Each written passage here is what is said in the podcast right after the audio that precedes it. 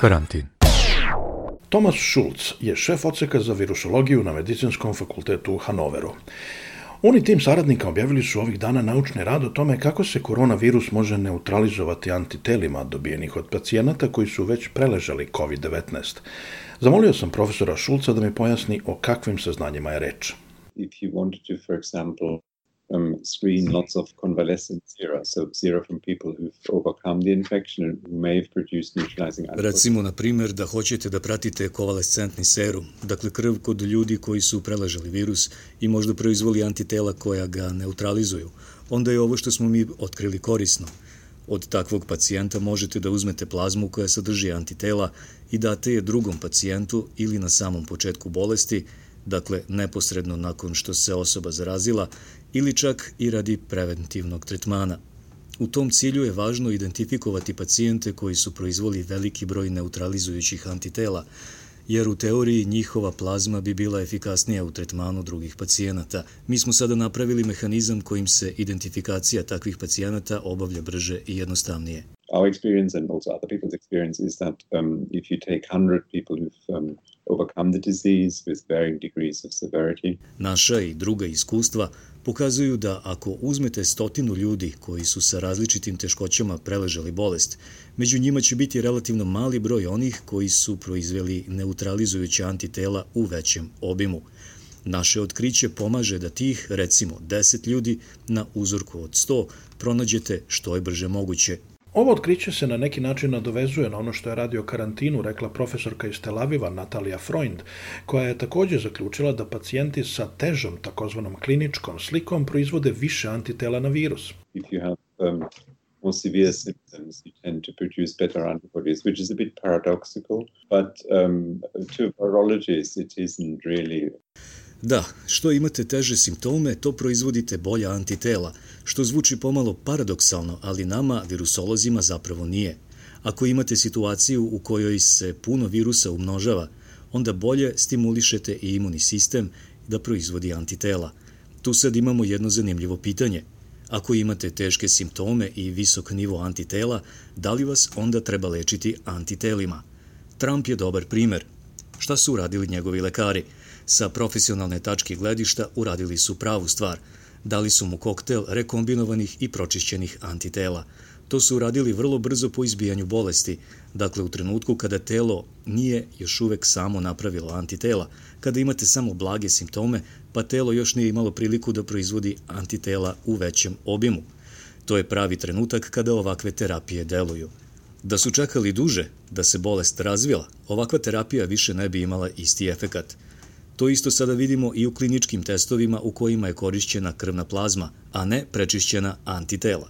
Koliko su obični Amerikanci ili vi i ja daleko od jednog takvog tretmana? Vrlo daleko. Treba mnogo dolara. Lečenje antitelima je skupo, posebno na masovnom nivou. To nisu jeftini tretmani.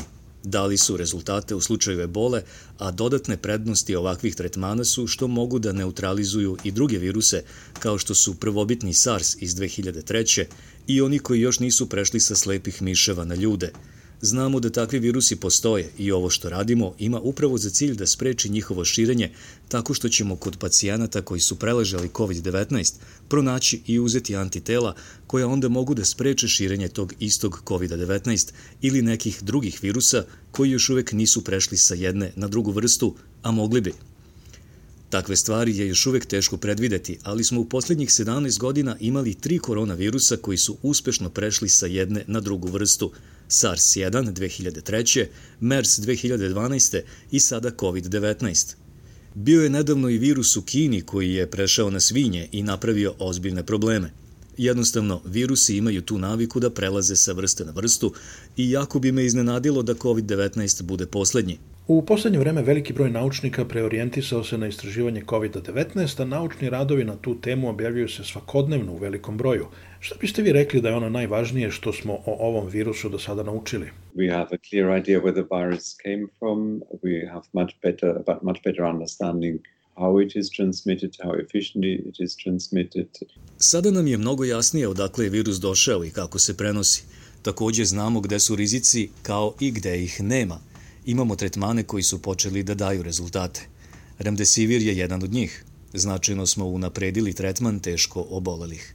Vaše šanse da preživite ako stignete na intenzivnu negu bile su oko 50%, a sada su daleko veće. To još uvek ne znači da smo blizu toga da potpuno eliminišemo ovaj virus. Šta više, mislim da to nikada nećemo uspeti. Moramo da se naviknemo na to da će ovaj virus živeti sa nama. Ali uz vakcine moći ćemo da ga držimo pod kontrolom, da se ne širi. No nemojmo misliti da će kada vakcina stigne, na primjer, do sredine iduće godine problem biti rešen. Vakcinu će pre svega dobiti oni najugroženiji, zdravstveni radnici i starije osobe.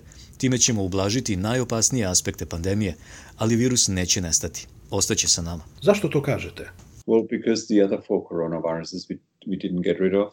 So uh, develop a vaccine against them because it wasn't worth it. Not that dangerous. Zato što se nismo ratosiljali ni prethodna četiri koronavirusa.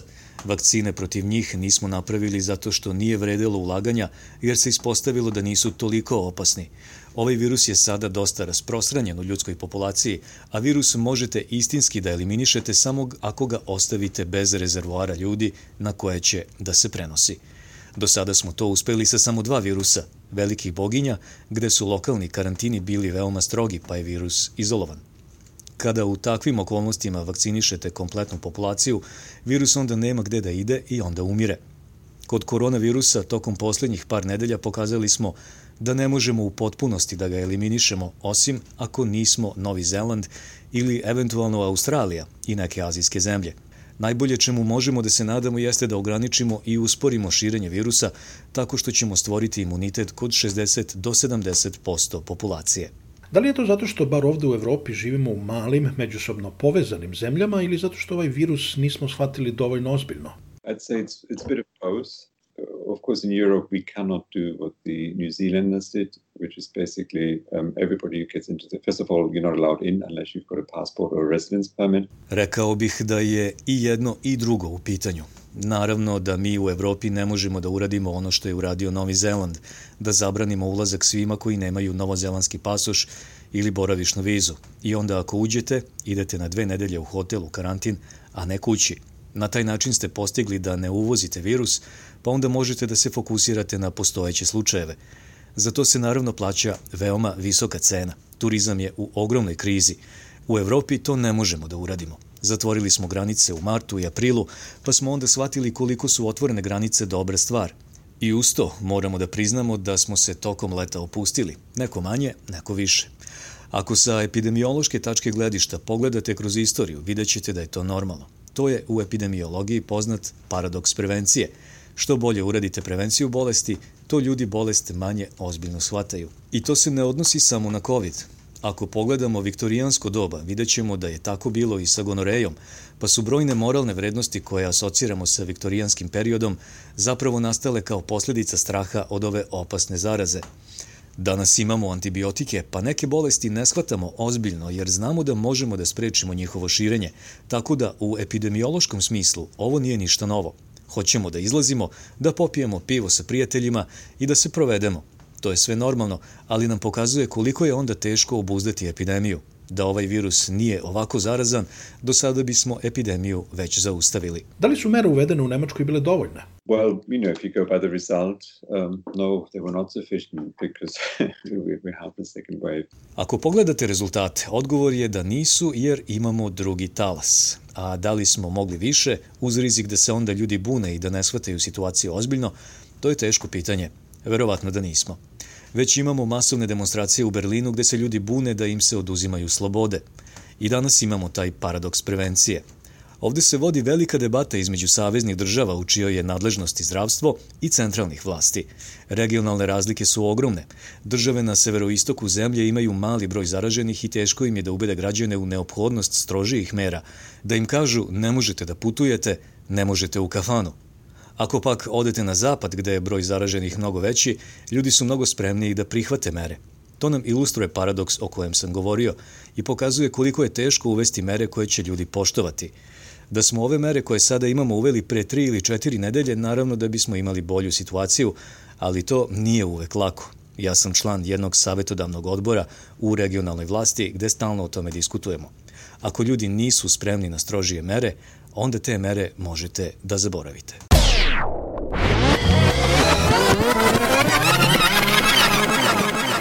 Radio Karantin